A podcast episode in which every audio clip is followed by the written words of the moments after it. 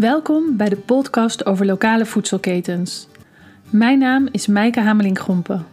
En in deze podcast delen boeren, burgers en tuinders hun verhaal en grootste leerpunten bij het samen opstarten van lokale voedselketens.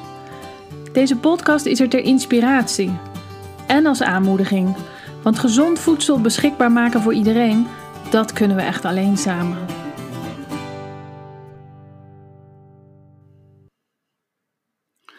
In deze aflevering van de podcast gaan we het hebben over verschillende korte ketens. En um, we hebben, maken nu een reeks um, die uitgaat. We beginnen bij Caring Farmers. En we kwamen daarin, kregen we een tip um, over de Caring Farmers van burgerboerderij De Patrijs. Dat zij op een andere manier uh, boeren en burgers bij elkaar brengen. Een ander model dan bijvoorbeeld wat veel mensen kennen, de herenboerderij. Um, dus van daaruit dachten we, hé, hey, we gaan uh, vragen. Uh, en kijken wat zijn er nog meer voor, voor vormen die we met elkaar kunnen onderzoeken. En het mooie is als je dan daarna gaat kijken, dan kom je erachter dat er eigenlijk al zoveel is. En ook dat een aantal vormen nog helemaal niet bekend zijn, of bij boeren of bij burgers. Dus daarom vind ik het zo um, super mooi, deze aflevering, uh, dat we verschillende uh, kant-en-klare oplossingen hebben. En dat de uh, initiatiefnemers daarvan hier zijn die ons heel goed kunnen uitleggen dat je eigenlijk morgen kan beginnen met de modellen die er al zijn. Um, we hebben dus Joanne Maloto van burger, Burgerboerderij de Patrijs, moet ik zeggen. Um, we hebben Marieke Carsons bij ons van Food Value. En dat is weer gelinkt aan Puur Betuws. En Sanne Smeets, uh, zij is de initiatiefnemer van de pluktuin Vers aan de Vecht. En Sanne is er ook. En um, Vers aan de Vecht is begonnen als stichting, maar wel met een wens voor coöperatie. Zo zeg ik het goed, toch Sanne? Ja, klopt. Of in ieder geval iets als een coöperatie. Precies. En eigenlijk was het zo om de pluktuin te starten dat een stichting op dit moment, of in, in de basis even makkelijker was, of in de snelheid makkelijker was om te verenigen, te verenigen en te gaan. Maar dat het coöperaat, dat jullie dus ook nog vanuit de pluktuin op zoek zijn van hoe kunnen we meer coöperatief zijn? Um, of hoe kunnen we die coöperatie gaan vormen? En Boy van de biomelkveehouderij De Groene Griffioen in Wees, waar de pluktuin is, die zei ook al in een eerdere podcast, zei hij van ja, ik zou deze manier van samenwerken met de burgers eigenlijk best heel graag willen uitbreiden. En op wat voor manier zouden we dat kunnen doen? Dus ik vind het heel te gek dat we vandaag um, bijvoorbeeld Marieke aan tafel hebben die uh, ons kan vertellen um, hoe je dat meteen zou kunnen doen. Uh, Johanne, het is dus begonnen um, uh, met onze nieuwsgierigheid naar hoe jullie bij burgerboerderij De Patrijs dat anders georganiseerd hebben. Kan je ons daarover vertellen?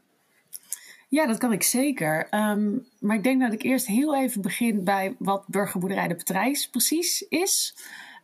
Um, wij uh, zijn ongeveer twee jaar geleden begonnen met het idee om een uh, gangbare melkveehouderij in uh, de Achterhoek over te nemen, in Vorden, om die om te schakelen naar een gemengd agro-ecologisch bedrijf. Dat was het bedrijf van de, van de ooms van mijn vriend. Um, maar die financiering daarvan was natuurlijk een hele grote opgave. En uh, de bank die zag daarbij eigenlijk best wel wat risico's. Uh, dus die zeiden van ja, gaat dat wel lukken als jullie alle producten aan lokale mensen willen afzetten? Gaat dat wel lukken met verzuivelen? Dus toen dachten we, god, dan gaan we aan die kant beginnen. Dus nog voordat we de boerderij hebben overgenomen, zijn we eigenlijk begonnen met het opzetten van uh, die afzet. Uh, dat hebben we niet helemaal zelf bedacht. Uh, dat hebben we eigenlijk, uh, we hebben ons laten inspireren door boerderij Veld en Beek in Doorwerd. En wat we hebben gedaan in het afgelopen jaar is dat we vier verslokalen hebben geopend in de regio. En een verslokaal is een onbemand winkeltje waar leden van de boerderij 24 uur per dag, 7 dagen per week naar binnen kunnen met behulp van onze app. En daar kunnen ze uh, ja, eigenlijk al onze producten afhalen. Op dit moment kopen we uh, melk in en die verwerken we tot uh, kaas, yoghurt, kefir, allerlei andere zuivelproducten. En dit vullen we aan met allerlei producten van boeren uit de buurt. Dus groente, fruit, vlees, granen, jam, nou ja, noem het maar. En um, in principe is het dus gewoon een winkeltje. Dus het is niet dat een lid van tevoren iets hoeft te bestellen. Uh, ze kunnen gewoon naar binnen en ze kunnen meenemen wat ze op dat moment uh, graag willen hebben. Dat geven ze zelf aan uh, in de app. En op die manier rekenen ze eigenlijk zelf af. Dus jullie zijn een boerderij en um, je wordt lid van de boerderij. Ja, we zijn eigenlijk nog geen. We noemen onszelf op dit moment boeren zonder boerderij. Want we zijn dus nog bezig met het overnemen van een uh, bedrijf. De overname van het bedrijf van de ooms van Johannes is namelijk niet gelukt afgelopen jaar. Ondanks dat we de financiering helemaal rond hadden. Um, ja, is dat, uh, is dat uiteindelijk eigenlijk op niet-financiële dingen uh, misgelopen. Dat was heel erg jammer. Dus op dit moment zijn we op zoek naar een ander bedrijf in de regio. En ehm, nou ja, we hopen eigenlijk dat we uh, eind dit jaar een, uh, een ander bedrijf hier in de buurt uh, kunnen overnemen. Dus jullie zitten in de bijzondere situatie dat jullie dus boeren zijn zonder boerderij, wel met leden, dus zeg maar wel, je hebt een verbinding met burgers die zich aan jullie verbonden hebben en er zijn onbemande verslokalen. Dus het loopt zonder dat je echt een boerderij hebt. Ja, dus we zijn eigenlijk een beetje aan de achterkant begonnen. Ja. Of de voorkant, net hoe je het wil zien natuurlijk. Dus we hebben inderdaad, we, we, we hebben de verwerking en we hebben de afzet en we hebben de binding met de burgers. Hebben we eigenlijk allemaal rond. Alleen het begin, de productie, dus de daadwerkelijke productie van melk, uh, groente, fruit, vlees, die hebben we nog niet. Precies. En die, um, jullie hebben het georganiseerd, dat onbemande lokaal door middel van een app. Er is dus een app waarmee mensen dan zelf boodschappen kunnen doen in dat onbemande lokaal. Dus als je lid wordt van een boerderij, krijg je toegang tot onze app. Daarmee kan je de deur van dat winkeltje openmaken. Uh, zeven dagen per week dus. Je kan ook midden in de nacht, uh, als je bent wezen stappen, nog een, uh, nog een flesje melk halen, bij wijze van spreken. Dat kan. En, nou ja, en dan doe je daar gewoon je boodschappen. Dus je neemt je stuk kaas, je broccoli, je, je, je, je zakje muesli mee. En die registreer je zelf in de app. Precies. Dus dat gaat puur op vertrouwen. Ja, mooi. Waar we met z'n allen natuurlijk, uh, volgens mij wat de bedoeling is. Maar uh, jeetje, interessant. En um, uh, Marieke, jij bent van Food Value en Pure Betu's. En jullie hebben dat weer op een andere manier geregeld. Ja, ik, ik zal mezelf ook eventjes. Ja, breed voorstellen, graag. En voorstellen. Um, mijn achtergrond is eigenlijk online. En ik ben natuurlijk wel twintig jaar geleden gaan moestuinieren en er nooit meer mee opgehouden. En steeds meer die wereld ingedoken, omdat ik ook niet meer uh, voor andere onderwerpen wilde werken dan, dan projecten en bedrijven en initiatieven die deze wereld groener helpen maken. Maar ik heb ook bewust besloten uh, om mijn online skills daarvoor in te zetten en die niet aan de wilgen te hangen en boer te worden. En een van de dingen, ik, ik heb op een boerderij gewoond namelijk, uh, in het begin van deze eeuw op een zelfkazende, campinghoudende, nou ja, zo'n creatieve boer die op allerlei manieren aan kleine stukjes inkomen moest komen. Daar heb ik ook gezien hoe lastig het is voor boeren om dat te doen. Um, uh, allerlei uh, de, de, regelgeving voor rauwe melkse kaas. En nou, ongelooflijk hoeveel inspecteurs er langskomen op een boerderij die dit wil gaan doen. En hoe hard je moet werken. En dat heb ik echt allemaal van heel dichtbij ontdekt. Ook als burger toen.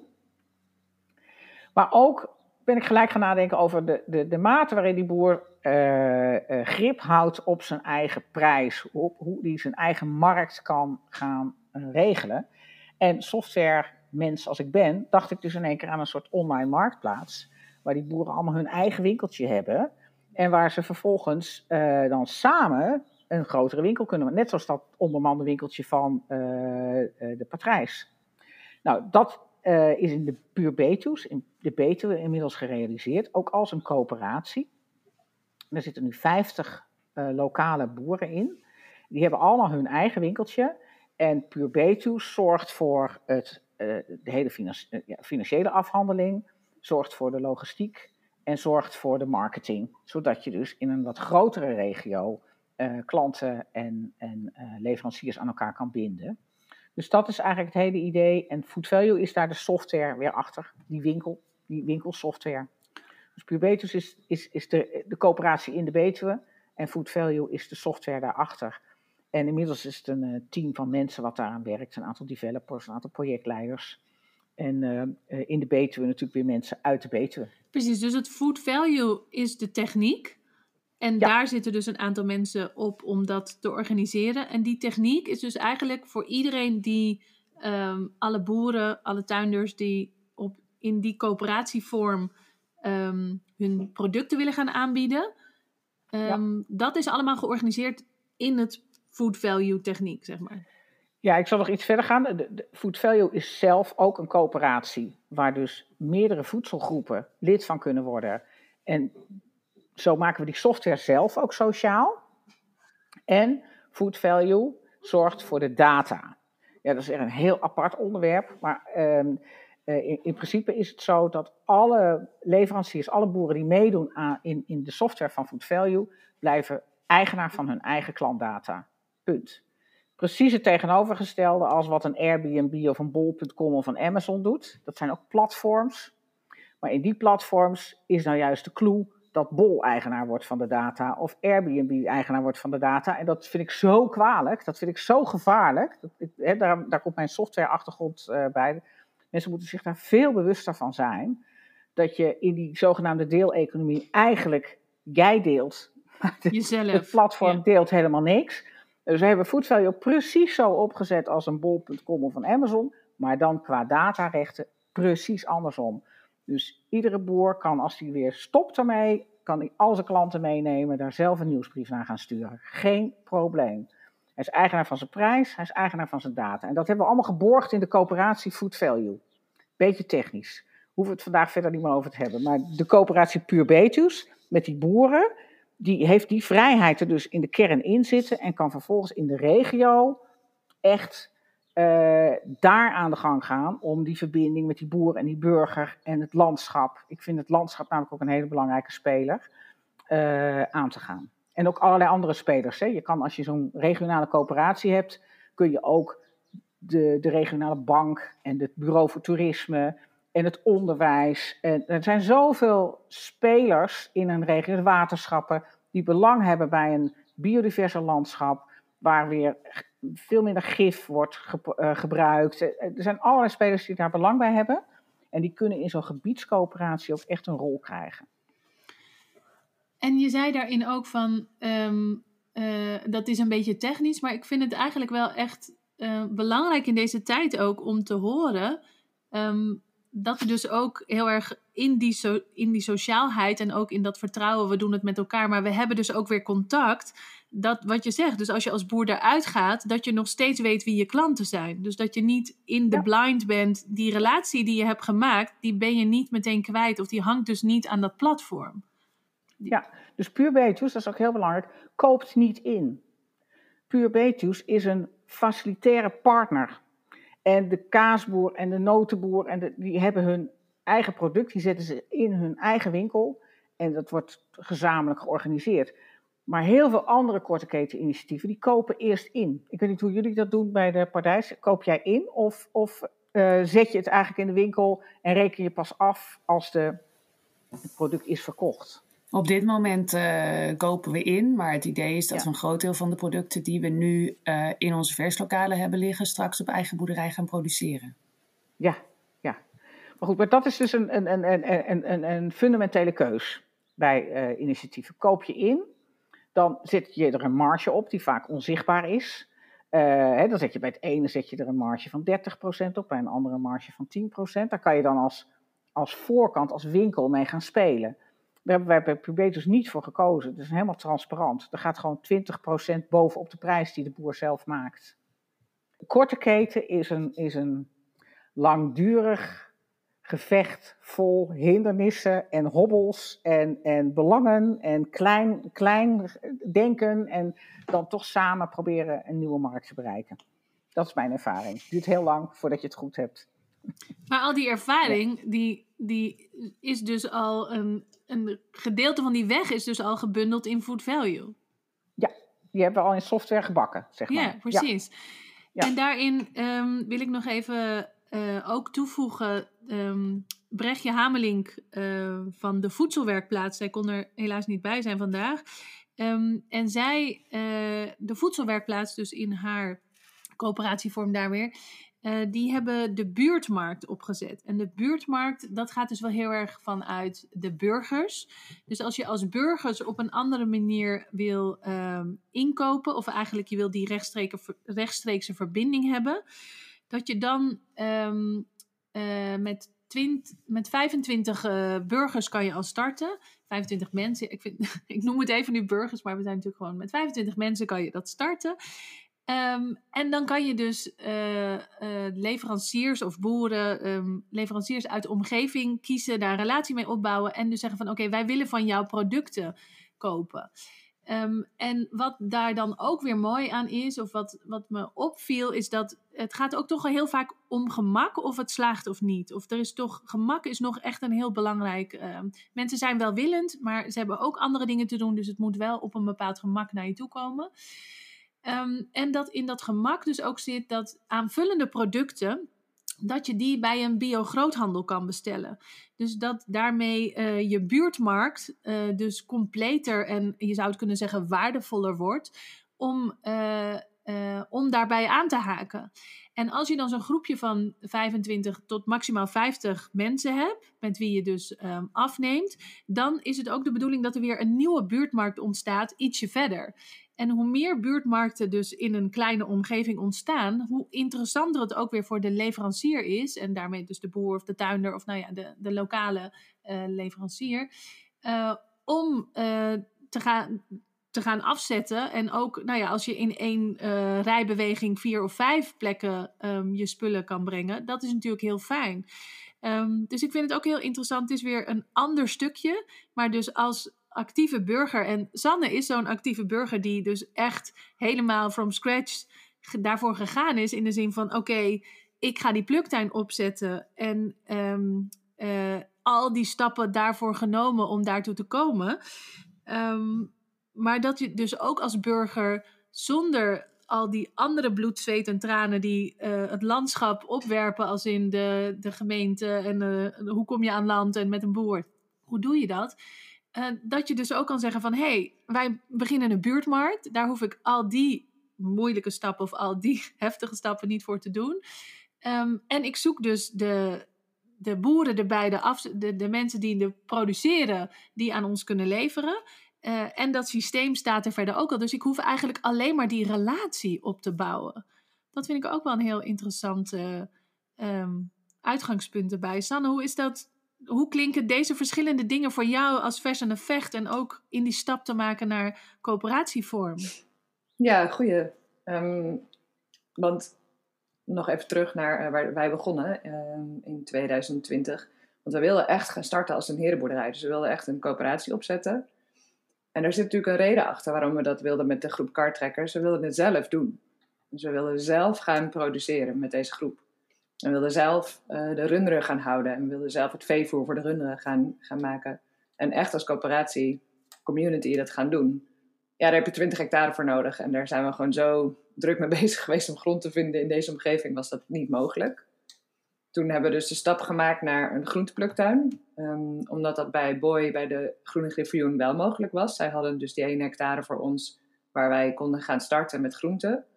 En dat is veel kleinschaliger en wat minder. Maar het is nog steeds wel dat wij als community met onze groep dat wel zelf doen. Dus wij huren drie professionele tuinders in. En zij, zij maken een tilplan en, en zorgen ervoor dat er heerlijke dingen uit de grond komen. Maar nog steeds is de, de boer-burger of tuinburger, allebei, relatie zo close dat wij voelen dat we het wel zelf doen. Dat we onze eigen uh, groenten maken eigenlijk.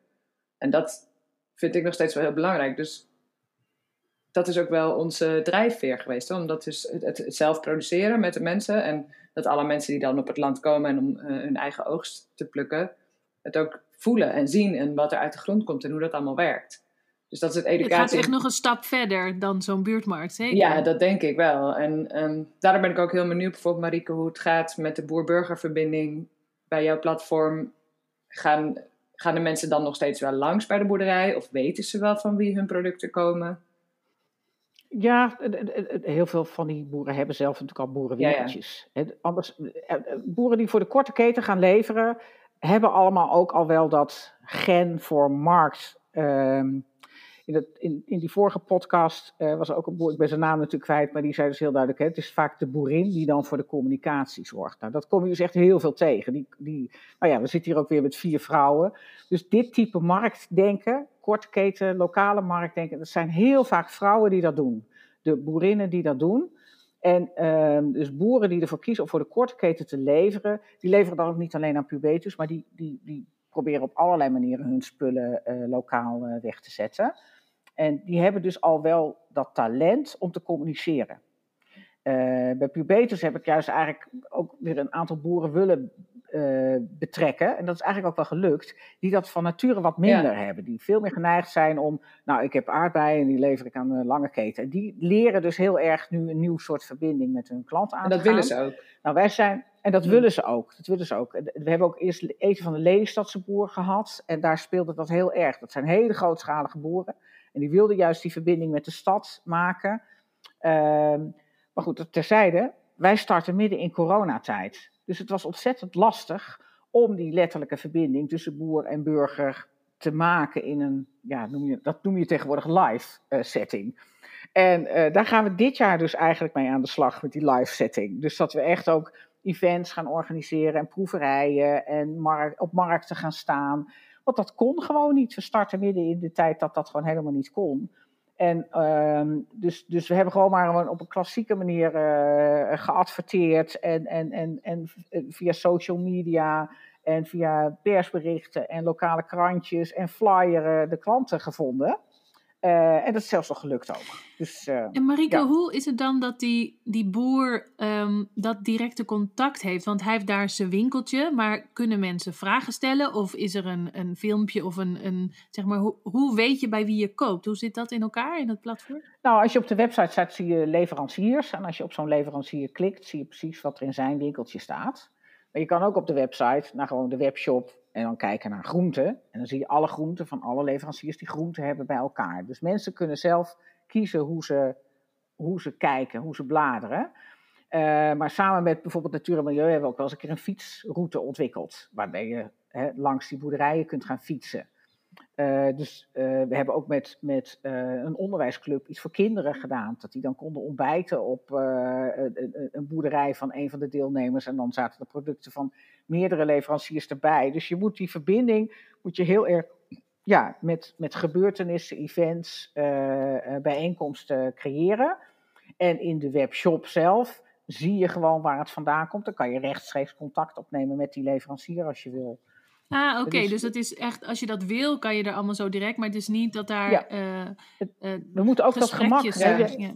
Ja, ja, jij begon over dat gemak. Uh, dat is denk ik zowel bij, bij de patrijs als bij pubetus het geval, dat we een vorm van gemak hebben geïntroduceerd, waardoor er een bredere groep makkelijker bij die spullen kan komen.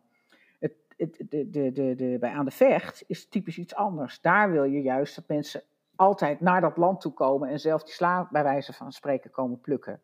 Het zijn twee verschillende concepten. Ja, zeker. Maar dat betekent, uh, kijk, uh, waar we het al even eerder over hadden, over schaalvergroting. Wij zijn zeker bezig met schaalvergroting. Hoe gaan we het dan doen? En helaas is ook onze boerderij, waar we dus naast onze, die naast onze groentepluktuin is, best wel ver. En niet ver, ja, wat is ver? is natuurlijk relatief. Het is op fietsafstand van Muiden en van Weesp. Maar als we toch ietsje verder in een iets grotere cirkel gaan kijken, dan komen mensen niet meer zo makkelijk. Dus dat willen ze niet meer. Maar ik wil wel die mensen bereiken. Dus ik ben inderdaad, Johanna, heel benieuwd naar hoe dat bij jullie is met de verslokalen. En Sanne, mag ik nog één ding daar oh, ja. even over vragen? Wat je zegt van, uh, Johanne, dan komen we bij jou. Um, uh, je zegt, wij, wij, willen ook wel schaalvergroting. Ja. Wat bedoel je? Want zeg maar schaalvergroting in een korte keten, dat klinkt een beetje conflicterend op een bepaalde manier. Of schaalvergroting in mijn oren is nog juist massa is kassa, moet ik dan denken uit een ander ja. gesprek wat we met mensen hadden. In de zin van, hoe uh, kan je iets vertellen over wat je met schaalvergroting bedoelt al bij een pluktuin als vers aan de vecht? Ja, wij zijn nu gegroeid van 100 naar 150 oogstaandelen, huishoudens. En ik bedoel niet per se dat we naar 350 huishoudens willen, want dat is ook niet te doen op dit ene stukje hectare. Um, maar ik zou wel op een andere manier in onze omgeving toch weer andere burgers of meer burgers willen betrekken bij het zelf telen van voedsel, van groenten of voedselbos, wat er mogelijk is. Want de, de motivatie van alle mensen in deze omgeving, die willen allemaal heel graag.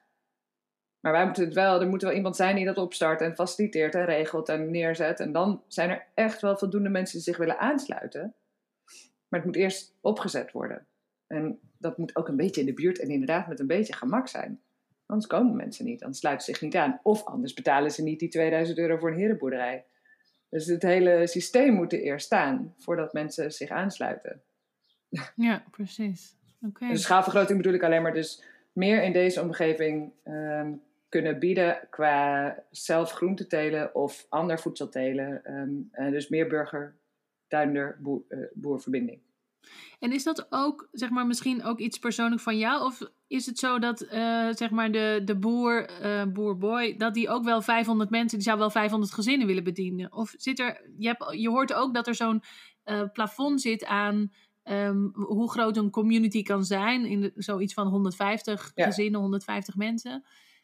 Ja, dat is het.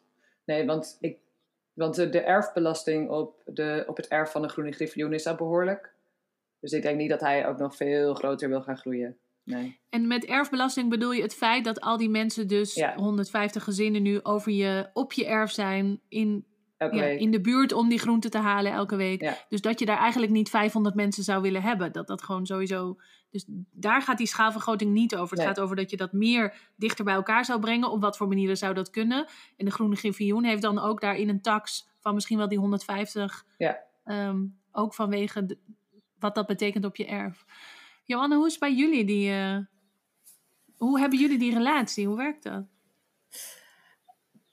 Wat bedoel je precies met hoe hebben jullie die relatie? Ja, ik bedoel, sorry, hoe hebben jullie de relatie met de, de burgers? Die kunnen dus allemaal in de winkel en in de onbemande winkels. Maar hoe hebben jullie contact over wat er in de winkel ligt? En of het genoeg is, of dat ze andere dingen willen, of waar het vandaan komt? Ja, dat, dat is nu op dit moment natuurlijk nog een beetje een uitdaging, want we hebben nog geen fysieke boerderij. Dus we hebben geen plek waar we heel makkelijk mensen kunnen ontvangen. Dus dat, en gecombineerd met corona, net zoals Marieke natuurlijk zei, was het afgelopen jaar echt wel lastig om het contact met die burgers eh, goed wederzijds te onderhouden.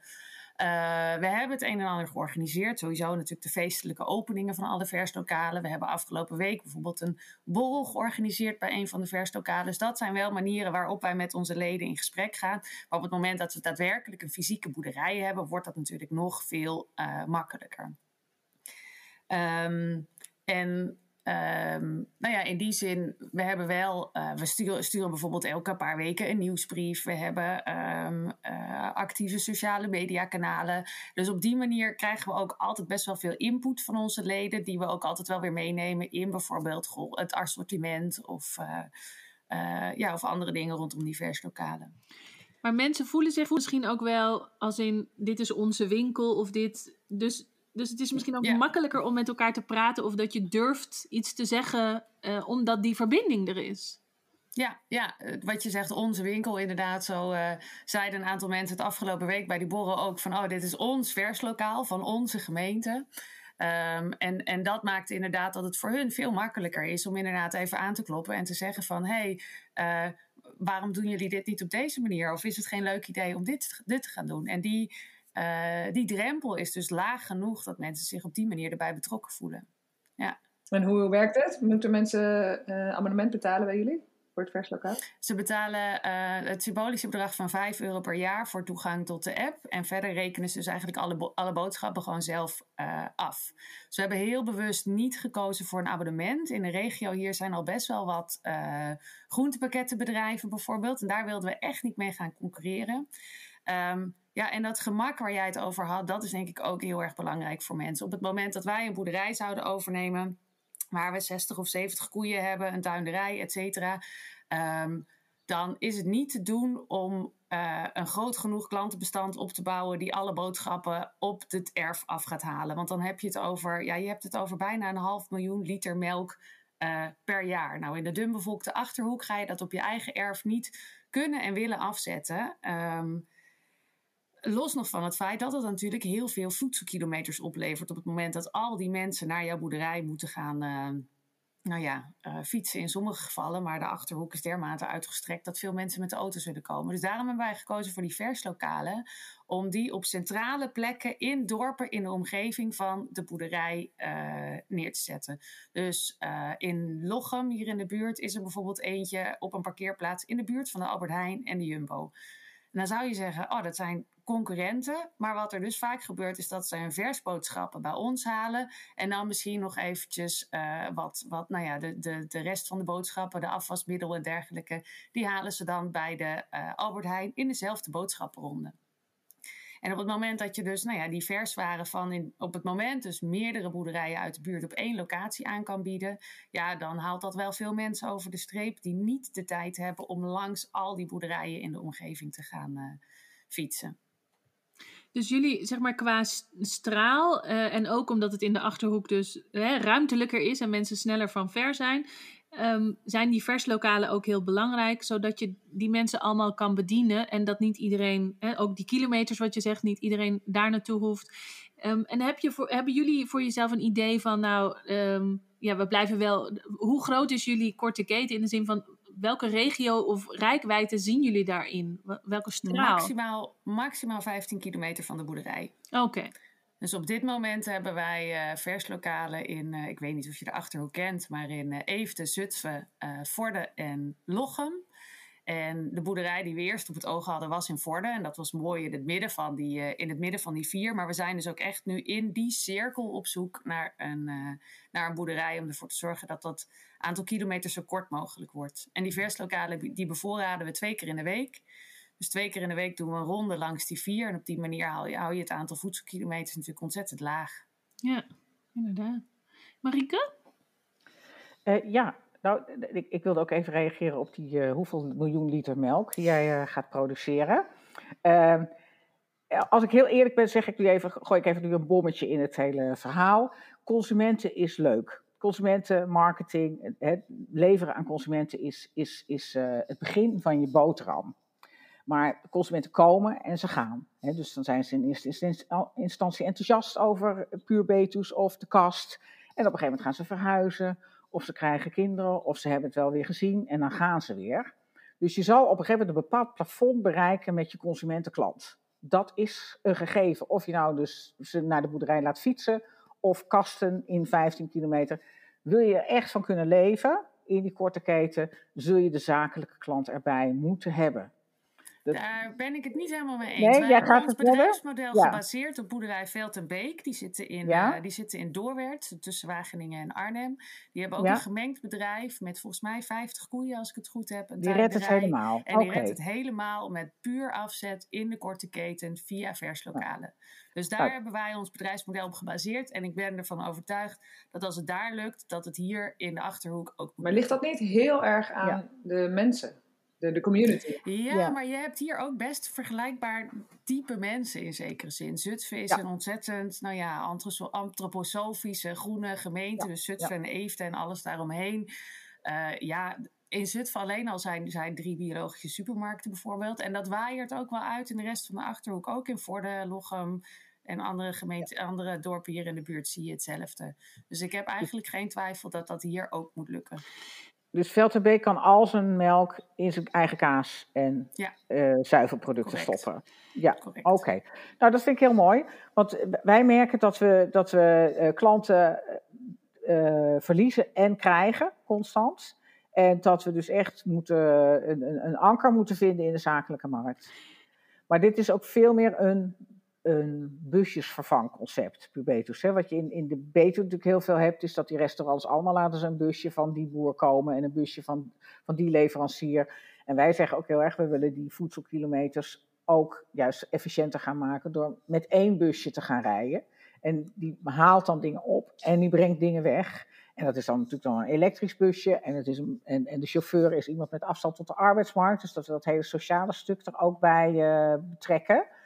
Um, dus uh, die voedselkilometers proberen we op die manier uh, uh, klein te krijgen, als het ware. Maar wij merken toch heel erg dat klanten inderdaad, ja, het, het, het, is toch een, een, een, een extra winkel waar je naartoe moet. Zo'n online webshop of zo'n of zo'n zo'n kast. Dus je moet een bepaalde motivatie hebben om dat te blijven doen. En als iemand alleen voor het gemak gaat, dan zal die niet blijven. Nee, en ik denk dat die directe binding tussen ons als burgerboerderij de Patrijs en die burger daarvoor ongelooflijk belangrijk is. Want we zien nu ook dat mensen, ik bedoel, ondanks het feit dat we nog geen boerderij hebben, doen mensen boodschappen bij ons omdat ze weten dat ze ons helpen die ambitie waar te maken.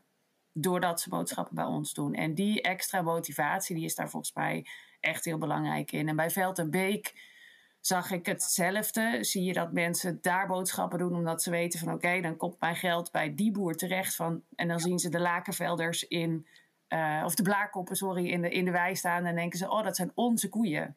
En dat, en dat denk ik maakt het, uh, uh, maakt het mogelijk om, om zo'n.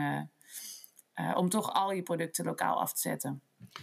Marieke, en ik hoor jou ook zeggen, ik hoor je een aantal keer noemen kast. En dan bedoel je denk ik een onbemand voedsellokaal van een, misschien ook meer kast waar je producten uit kan halen in de Betuwe. Bedoel je dat? Nee, nee, ik bedoel dus precies zoals uh, Veld en Beek dat heeft. Dat zijn kasten, ja, winkelkasten. Nou, dat, ja, en wij, wij, wij hebben denk ik ook weer begon als een kast, ja. ik zou dat van ons geen, daar. zeker geen okay. kast, zeker geen nee, kast doen. Maar ik begrijp niet zo goed, uh, zeg maar, het verschil en hoe het eruit ziet. Dus kunnen jullie even apart van elkaar uitleggen van, zeg maar, Joanne, wat is voor jou een kast? Hoe ziet dat eruit? Um, zal ik mijn verslokaal even beschrijven? Ja, doe maar.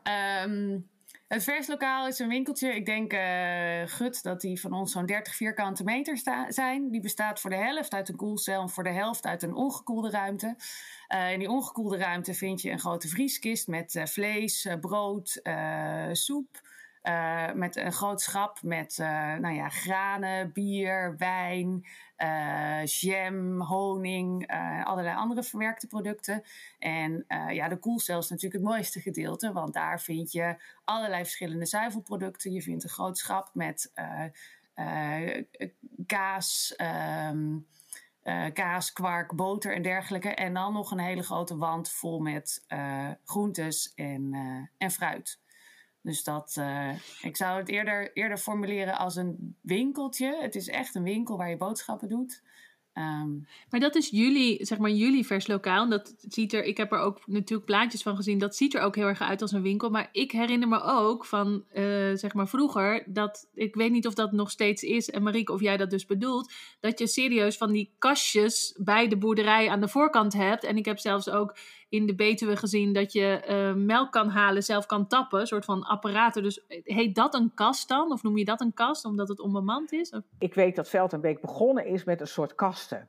En ik kom uit Wageningen, dus ik ken, ken Veld en Beek ook al heel lang. Dus ik noemde dat nog steeds de kast. En dat is heel onerbiedig en dat is natuurlijk helemaal niet meer zo. En het is inmiddels met een app en je hebt allerlei methoden om die onbewande winkeltjes heel leuk te maken. Want ik ben er ook erg fan van hoor. Ik zou er bij Pubetus ook graag een paar willen hebben dat ik denk dat dat ook weer een heel ander type klant. Je moet elke keer op zoek gaan naar type klanten die bij een bepaald uh, concept passen. En dan, dan kom je ook weer bij die, bij die uh, pluktuin terecht. Je hebt nu de, de fietsers, heb je binnen. En wil je groeien, dan moet je een, een ander verkoopconcept ontwikkelen om de, de, wat, de mensen die naar de markt willen gaan bijvoorbeeld. Hè, dat jij je verbindt met een marktkraam.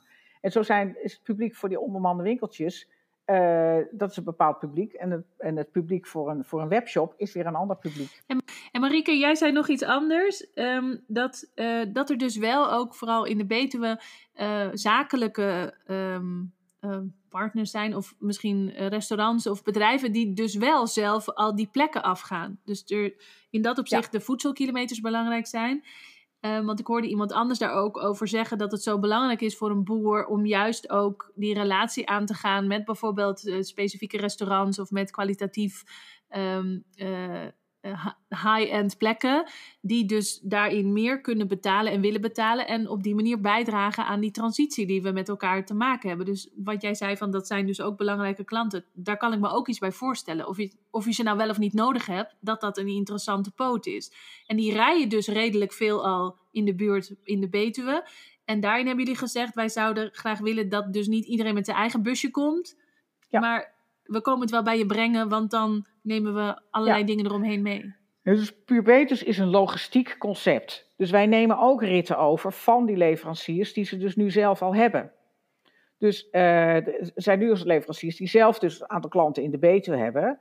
En wij pakken die rit over. Of we hebben leveranciers die zelf dingen willen laten bezorgen in de Betuwe. Wij pakken die ritten over. Dus wij zorgen dat we dat hele logistieke stuk zo efficiënt mogelijk gaan inrichten. Dat is ook onze toegevoegde waarde.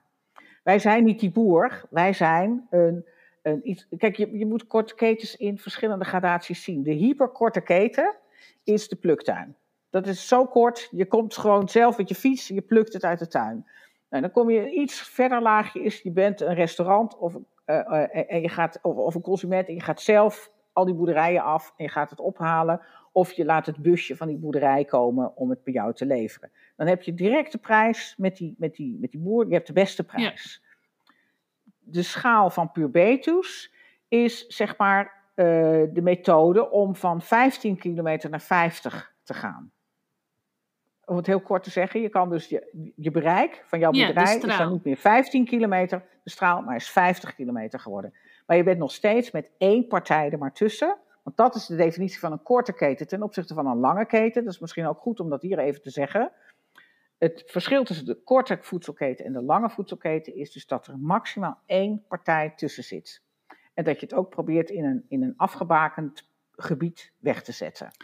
En daarin is dus bij Food Value ook weer zo dat die, die partij dus niet iets die het inkoopt, maar die echt faciliterend ertussen is. Want dat ja, is maar zo hebben wij het ingericht. Dat is onze manier om dat coöperatieve en die data te regelen. Maar heel veel andere, er zijn ongelooflijk veel korte keteninitiatieven die hier allemaal niet aan tafel zitten. Uh, maar, hè, dus je hebt rechtstreeks in Rotterdam, is een heel mooi voorbeeld. En die, uh, uh, die doen het weer anders. Maar zo hebben ze allemaal hun eigen methodieken en, en, uh, en vormen gevonden om, om die schaal naar 50 kilometer te krijgen. Maar Marieke, ik denk ook dat jullie niet alleen de software hebben ontwikkeld voor Pubetus, maar waarschijnlijk jullie het wel verder kunnen gaan uitzetten. Ja, zeker. Daar zijn Precies. we ook wel mee bezig. En, en, maar heel veel mensen vinden het lastig uh, om te, te, hun denken te starten vanuit die software. Ja, ja. Dus ook, ook, ook financiers zelfs. Zij zeggen, wij willen graag geld ophalen om dit groter te krijgen. Ja, maar we zijn geen schattige boer waar je langs kan lopen. We zijn een dataconcept. Heel lastig, om dat tussen de oren... Ja, ja saai. En uh, terwijl ik zelf denk dat het echt heel belangrijk is dat je daar wel over nadenkt. En dat je ook die software sociaal ja. maakt. Hè? Want of, uh, dat je, als wij nou wat ontwikkelen, dan heeft een volgende groep daar ook vanzelf wat ja. aan. Het is niet Want wie zit er dan in de coöperatie? Wie doen er dan nu aan mee? Uh, nu op dit moment hebben we uh, nog een, een, een, groep uit Arnhem, dat zijn de Groene Rijders. Die hadden vroeger ook een, een, uh, een, um, een groothandel korte keten, maar daar zijn ze in de coronatijd mee gestopt. Maar die zijn wel heel erg goed in de last mile qua logistiek. Dus die werken met ons mee. Die hebben zo'n fietscourierbakken concept, dus in de stad. Um, en dan hebben we nu Pubetus. En zoals ik al zei, Lelystadse Boer, die is er in de coronatijd mee gestopt.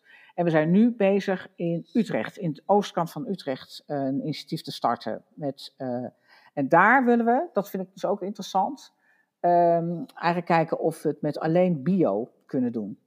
Alleen uh, boeren die of een gecertificeerd skal zijn, of daarnaar op weg, uh, um, of, of net te klein om dat aan te vragen. Maar geen reguliere, gangbare boeren meer. Omdat wij ontdekken dat de klant die, die echt hier zin in heeft, die wil dit. Stel dat, stel dus dat vanuit wij, de klant uh, gedacht, ja. Uh, in uh, de regio Amsterdam-Weesp het platform ja, zouden willen opzetten. Tuurlijk. Maar daar zijn nu tuurlijk. nog niet groot genoeg kom langs. Nou ja, maar er zijn zoveel initiatieven ja, in de waar. regio. Die moet je dan bij elkaar brengen. Ja, want zo'n verslokaal een doen. soort van distributiepunt hebben wij het vaak over gehad, omdat het dus redelijk ver is om dat bijvoorbeeld in Muiden en eentje in Weesp op te zetten om zo de connectie dichterbij te maken.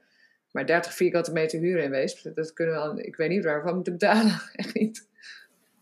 Nee, wij hebben zelf dus een wagen gebouwd en die staat, uh, tenminste we hebben er vier, dus het zijn vier verschillende plekken, maar we hebben er twee en die staan dan op een, uh, op een parkeerplaats die we nagenoeg om niet uh, kunnen huren. Mm. Um.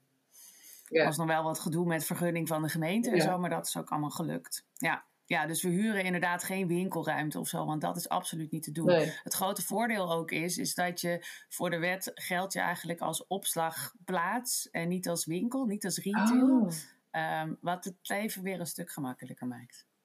Dat is een hele goede goeie, tip. ja. Ja, want wij zouden dit in, in de Betuwe natuurlijk ook heel graag uh, uh, aanvullen met dit soort uh, plekken. Je moet gewoon echt naar een multi-vendor platform willen gaan. Je moet op verschillende manieren je producten willen verkopen en daar constant aan blijven werken. want de concurrent hè, is toch voor de consument de Albert Heijn, de Picnic. De, en en die, die hebben een marketingbudget, nou daar, daar zul je nooit aankomen.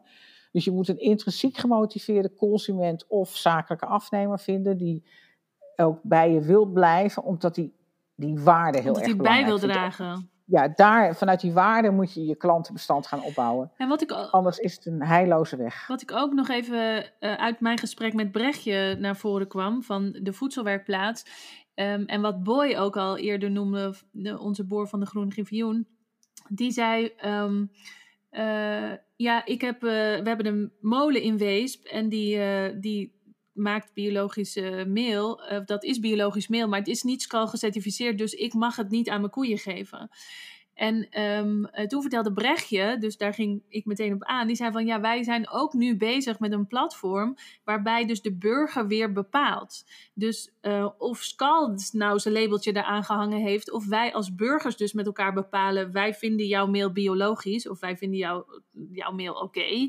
Um, dat je daar dus ook een, een status aan kan hangen. Dus dat je als burgers dat weer gaat bepalen. Dus dat vond ik ook heel uh, interessant. Dus jammer dat ze er nu niet is om daarover te vertellen.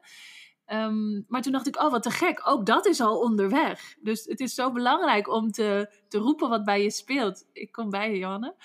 Um, en uh, uh, het is zo belangrijk om te roepen wat er speelt, want grote kans dat het er al is, of dat mensen er op die manier mee bezig zijn. En dat is zo te gek als je um, ja, staat te trappelen met hoe en wat.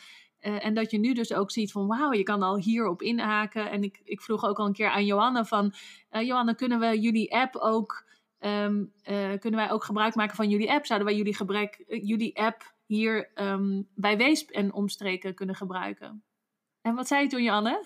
Ja, dat is zeker waar. Zo hebben we hem ook laten ontwikkelen. Dus we hebben ons laten inspireren door Veld en Beek, maar we hebben zelf een eigen app ontwikkeld. En die app is inderdaad ook te gebruiken door andere, door andere boerderijen, andere initiatieven. Dan kan je eigen logo erboven, je eigen kleuren erin bijvoorbeeld. En dan uh, kan je hem zo voor je eigen initiatief gebruiken. Natuurlijk wel nou ja, met een beetje delen in de ontwikkelkosten die wij eraan kwijt zijn geweest. Maar verder uh, was dat zeker het idee. Ja.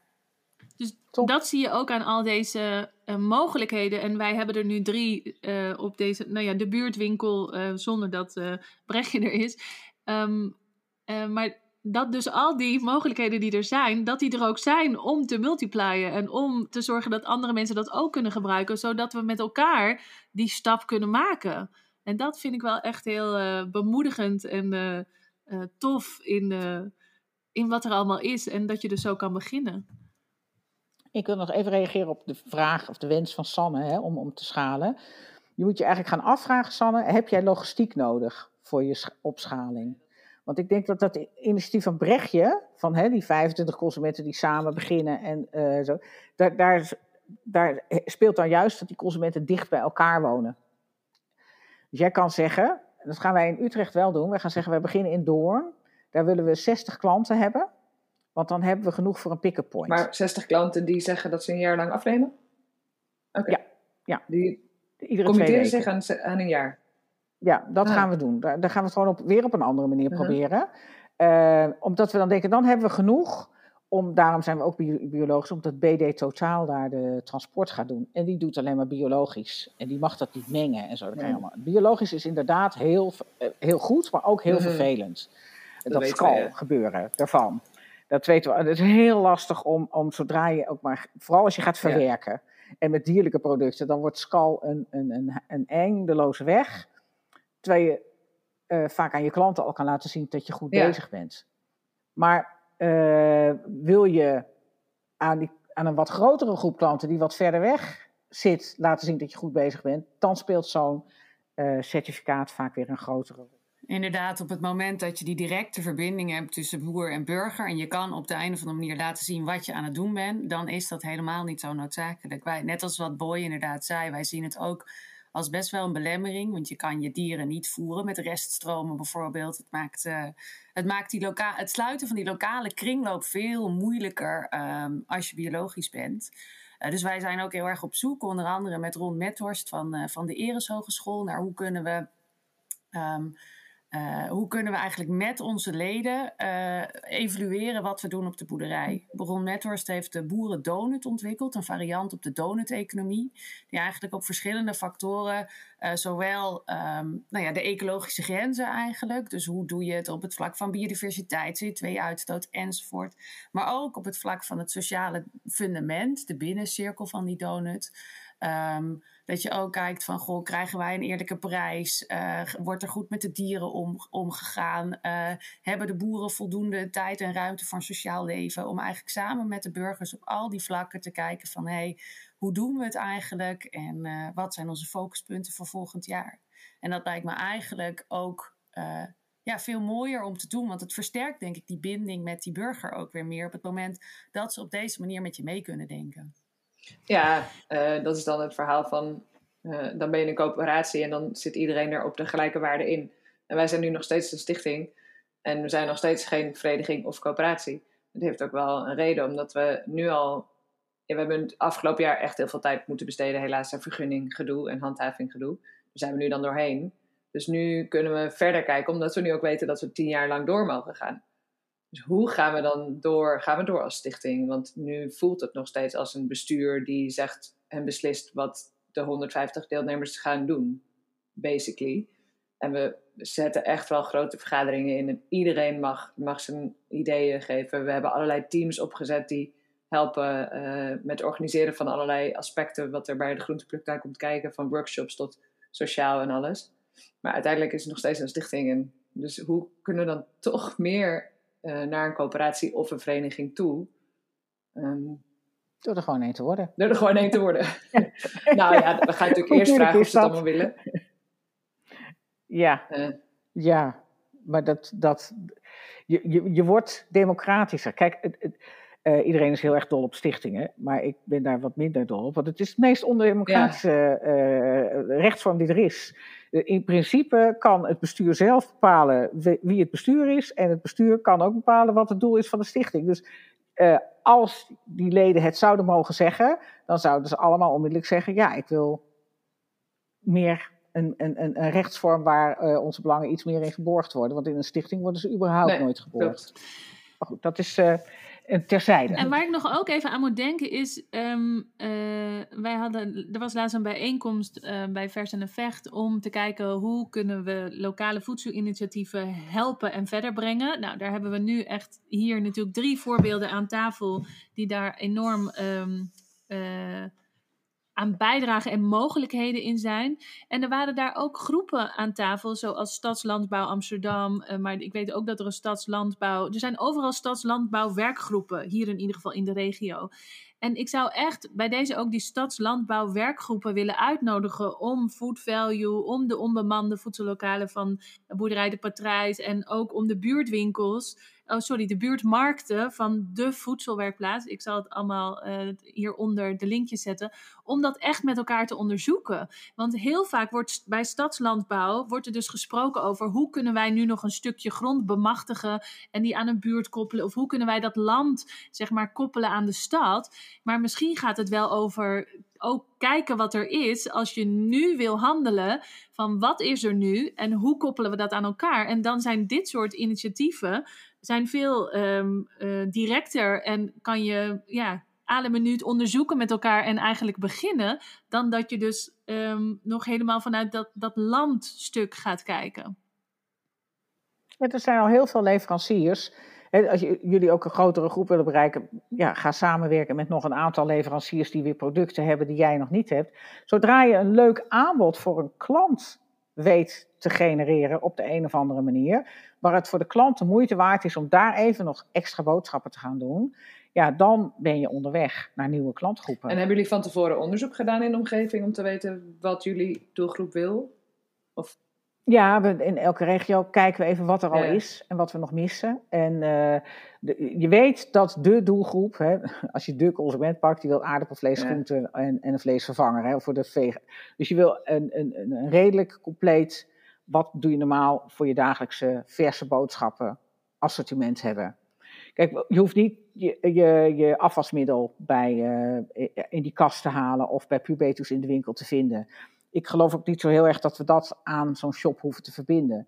Maar je wil wel uh, al je broodbeleg en al je verse, verse producten uh, voor je alle maaltijden kunnen vinden bij elkaar. Dat is een beetje de ondergrens. En ik moet persoonlijk ook zeggen dat uh, ik dus hoorde van de, de buurtmarkt. En um, uh, wij wonen in een uh, nieuwbouwwijk in, in Muiden. En daar is dus nog ook geen. Daar komt een supermarkt. Maar de eerste drie jaar is die supermarkt er dus niet los van. Ik wil niet per se naar de supermarkt. Um, maar er is dus in deze omgeving niet direct toegang tot een biologische supermarkt of een biologische um, winkel. En uh, daarin dacht ik echt van oké, ik ga in onze buurt-app. En bij, er is toevallig een buurtvereniging uh, gekomen in de Nieuwbewijk. Zei ik, ik ga hier meteen zorgen dat wij hier buurtmarkten krijgen. Want dat is iets waarmee we direct kunnen bijdragen. Um, het is ook dat hier veel kapitaalkrachtige mensen uit Amsterdam zeg maar, naartoe zijn gegaan. Dus die, soort van, die kunnen dat ook allemaal betalen. En we, we moeten iets doen daarin met elkaar. En ik heb dus maar 25 mensen nodig en dan hebben we het in de lucht. Dus daarin vond ik het ook heel mooi dat uh, op plekken waar, waar dus zaken niet meer zijn, dat je als burger, ja, je kan het gewoon allemaal niet regelen. Uh, als in gaan onderzoeken. En ja, zo moeilijk moet het dus niet zijn, want het, het is voor je geregeld nee. dat je het kan organiseren. Ja, en op het moment dat je dus met 200, 300 klanten zit, ga je vanzelf naar andere concepten toe. Dus dat, dat, dat, dat rolt vanzelf door. Ja, maar die rollen, ja. dat aan het rollen brengen, dat is wel wat we met ja. elkaar hebben te doen. Dus die, zeg ja. maar, onze podcast gaat over ter inspiratie en onze aanmoediging. Dus ik wil stadslandbouw aanmoedigen van jongens, kijk naar deze concepten. Um, want hier kan je heel veel mee en verenigen en daarmee naar de burgers brengen. Maar ook als burgers, er zijn dus ook mogelijkheden dat jij gewoon morgen kan starten en dat wel naar je toe kan halen. Zijn er ook al, die initiatieven. Ook zonder dit, dit initiatief. Tuurlijk, dit dat loopt al, al. Ja, maar ja. daar hebben we meer van nodig om die omslag met elkaar ja. te maken. Ja, want de meeste van die initiatieven bestaan uit zo'n Excel-lijstje met een mail die dan gestuurd wordt. En dan is de vrijwilliger die dat dan runt, op een gegeven moment is ermee klaar. En dan stort het weer in. Hè? Dus je hebt heel veel, of soms blijft het toch al wel heel lang uh, draaien. Dus er zijn heel veel van dit soort, uh, heet het iets van FOMO's, fo nou ja, uh, consumentencoöperaties. Dat bestaat al jaren. Maar dit initiatief van Brechtje geeft dus eigenlijk software, handen en voeten aan dit soort initiatieven. Die, uh, je hebt ook nog de buurderij, dat komt ja. uit Frankrijk en België. Maar daar moet je zeg ik even, want ik heb dit nog niet goed geïnitieerd, maar dan moet je vrij veel afdragen bij de buurderij aan, aan de software. Echt, echt een heel hoog percentage, vinden we zelf, vind, vind ik zelf. En uh, je moet het dan ook nog eens een keer zelf gaan verkopen als boer op een markt. Ja, precies. Misschien dat ze dat tegenwoordig veranderd hebben, maar dat, vond ik dus, dat vind ik dus ja, een beetje zwak van dat initiatief. Want Johanna, je zegt 5 euro uh, per jaar. Hoe, uh, hoe doen jullie het ervan dan?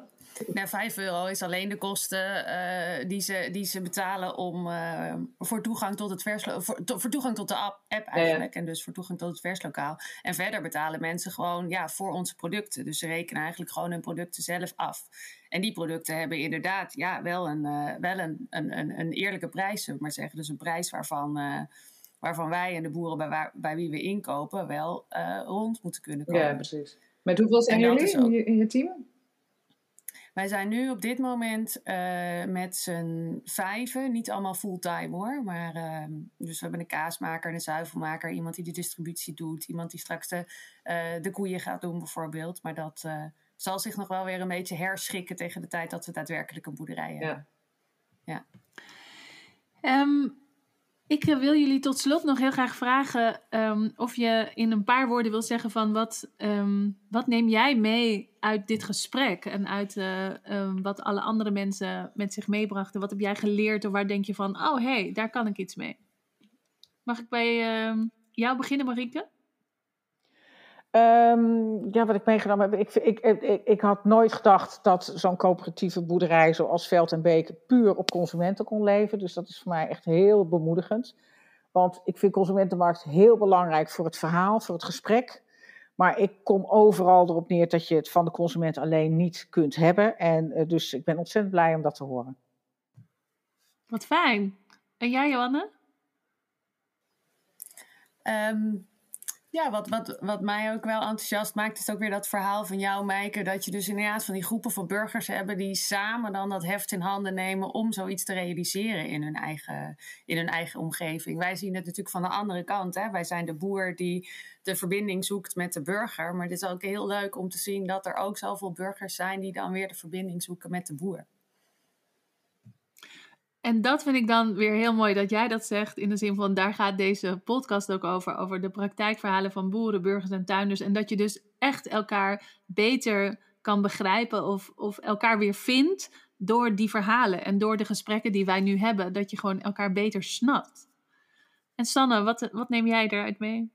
Nou, uh, mijn, uh, mijn insight is nu echt dat ik denk, ik moet anders gaan denken op schaalvergroting um, in dit uh, in dit gebied in plaats van alleen maar meer grond. Dus ik ga zeker ja. nadenken over een vers lokaal, misschien wel uh, in een container of, of iets dergelijks uh, binnen de vergunningsgrenzen. Um, dus ja, daar ga ik uh, nu zeker meer naar kijken wat er mogelijk is in de wijken zoals Krijgsman en al die nieuwbouwwijken hier in de omgeving. Um, hoe ik hen toch kan bedienen en mee kan nemen in het verhaal. En daarin blijft communicatie en het verhalen vertellen ook zo belangrijk. Ja. ja exact. Ja, je moet constant ja. actief blijven op social media en in je nieuwsbrief. En, in, en dat, dat geven we dan even mee aan alle initiatieven. Uh, dat als je dat niet doet, dan ja, raak je die verbinding ja. uh, uh, ook weer kwijt. Dus los van wat je hier allemaal gehoord hebt, het staat ook onder de informatie van, van deze podcast. Daar kan je de linkjes vinden. Um, nou, het is een enorme uitnodiging om met elkaar te gaan en te onderzoeken wat past bij jou. En uh, uh, dit is maar nog een stukje van wat wij nu in dit gesprek uh, hebben belicht. En er is dus nog zoveel meer. En ga vooral op zoek met elkaar. En um, ik wil jullie allemaal ook enorm bedanken voor um, al het werk wat jullie al hebben gedaan. En dus de, de praktijk die jullie um, al gerealiseerd hebben en waar wij allemaal van kunnen leren en geïnspireerd door kunnen raken, maar ook waar we voor allemaal, allemaal aan mee kunnen doen. Dus zoek het op in je omgeving en uh, ja, samen. Volgens mij is echt gewoon het toverwoord samen komen er wel. Ja. Nou, en ik wil even toevoegen, we veranderen de wereld echt alleen met onze portemonnee als consument. Want we zijn allemaal consument. En alleen als je ook daadwerkelijk je kaas lokaal en biologisch en mooi koopt en, en, en al je producten, dan maak je die transitie. Ja. Die transitie, er zijn heel veel mensen die het allemaal prachtig vinden. Hè. Daar kom ik heel veel tegen. Oh, prachtig, geweldig. Maar dan wonen ze in de Betuwe en doen ze hun boodschappen daar gewoon niet eens. Ja. Sterker nog, zelfs de leveranciers die meedoen aan Pubetus moet ik er uh, toe brengen om te zeggen van... hé, hey, jij kan ook je Bestel boodschappen bij Pubetus... Ja. Dus stel je hè, dus het veranderen van je dagelijks boodschapgedrag is ongeveer het moeilijkste wat er is. Dat zit net zo diep als tandenpoetsen, denk ik wel eens. Maar uh, als je die stap zet, dat je ook daadwerkelijk zegt, nou waar besteed ik mijn geld aan? Hoe besteed ik mijn geld? Uh, inderdaad, in Zutphen en omgeving zitten veel van die consumenten die al zo zijn. In bepaalde wijken, in Amsterdam ook. Maar ja, daar moet het toch niet toe beperkt blijven. We moeten het allemaal uh, bewust worden van, in, in alle opzichten, als je een nieuwe wereld wil, geef dan ook je geld uit aan die nieuwe wereld. Dat vind ik prachtig om mee af te sluiten. Dankjewel Marieke. De sleutel ligt dus echt in onszelf. Ja.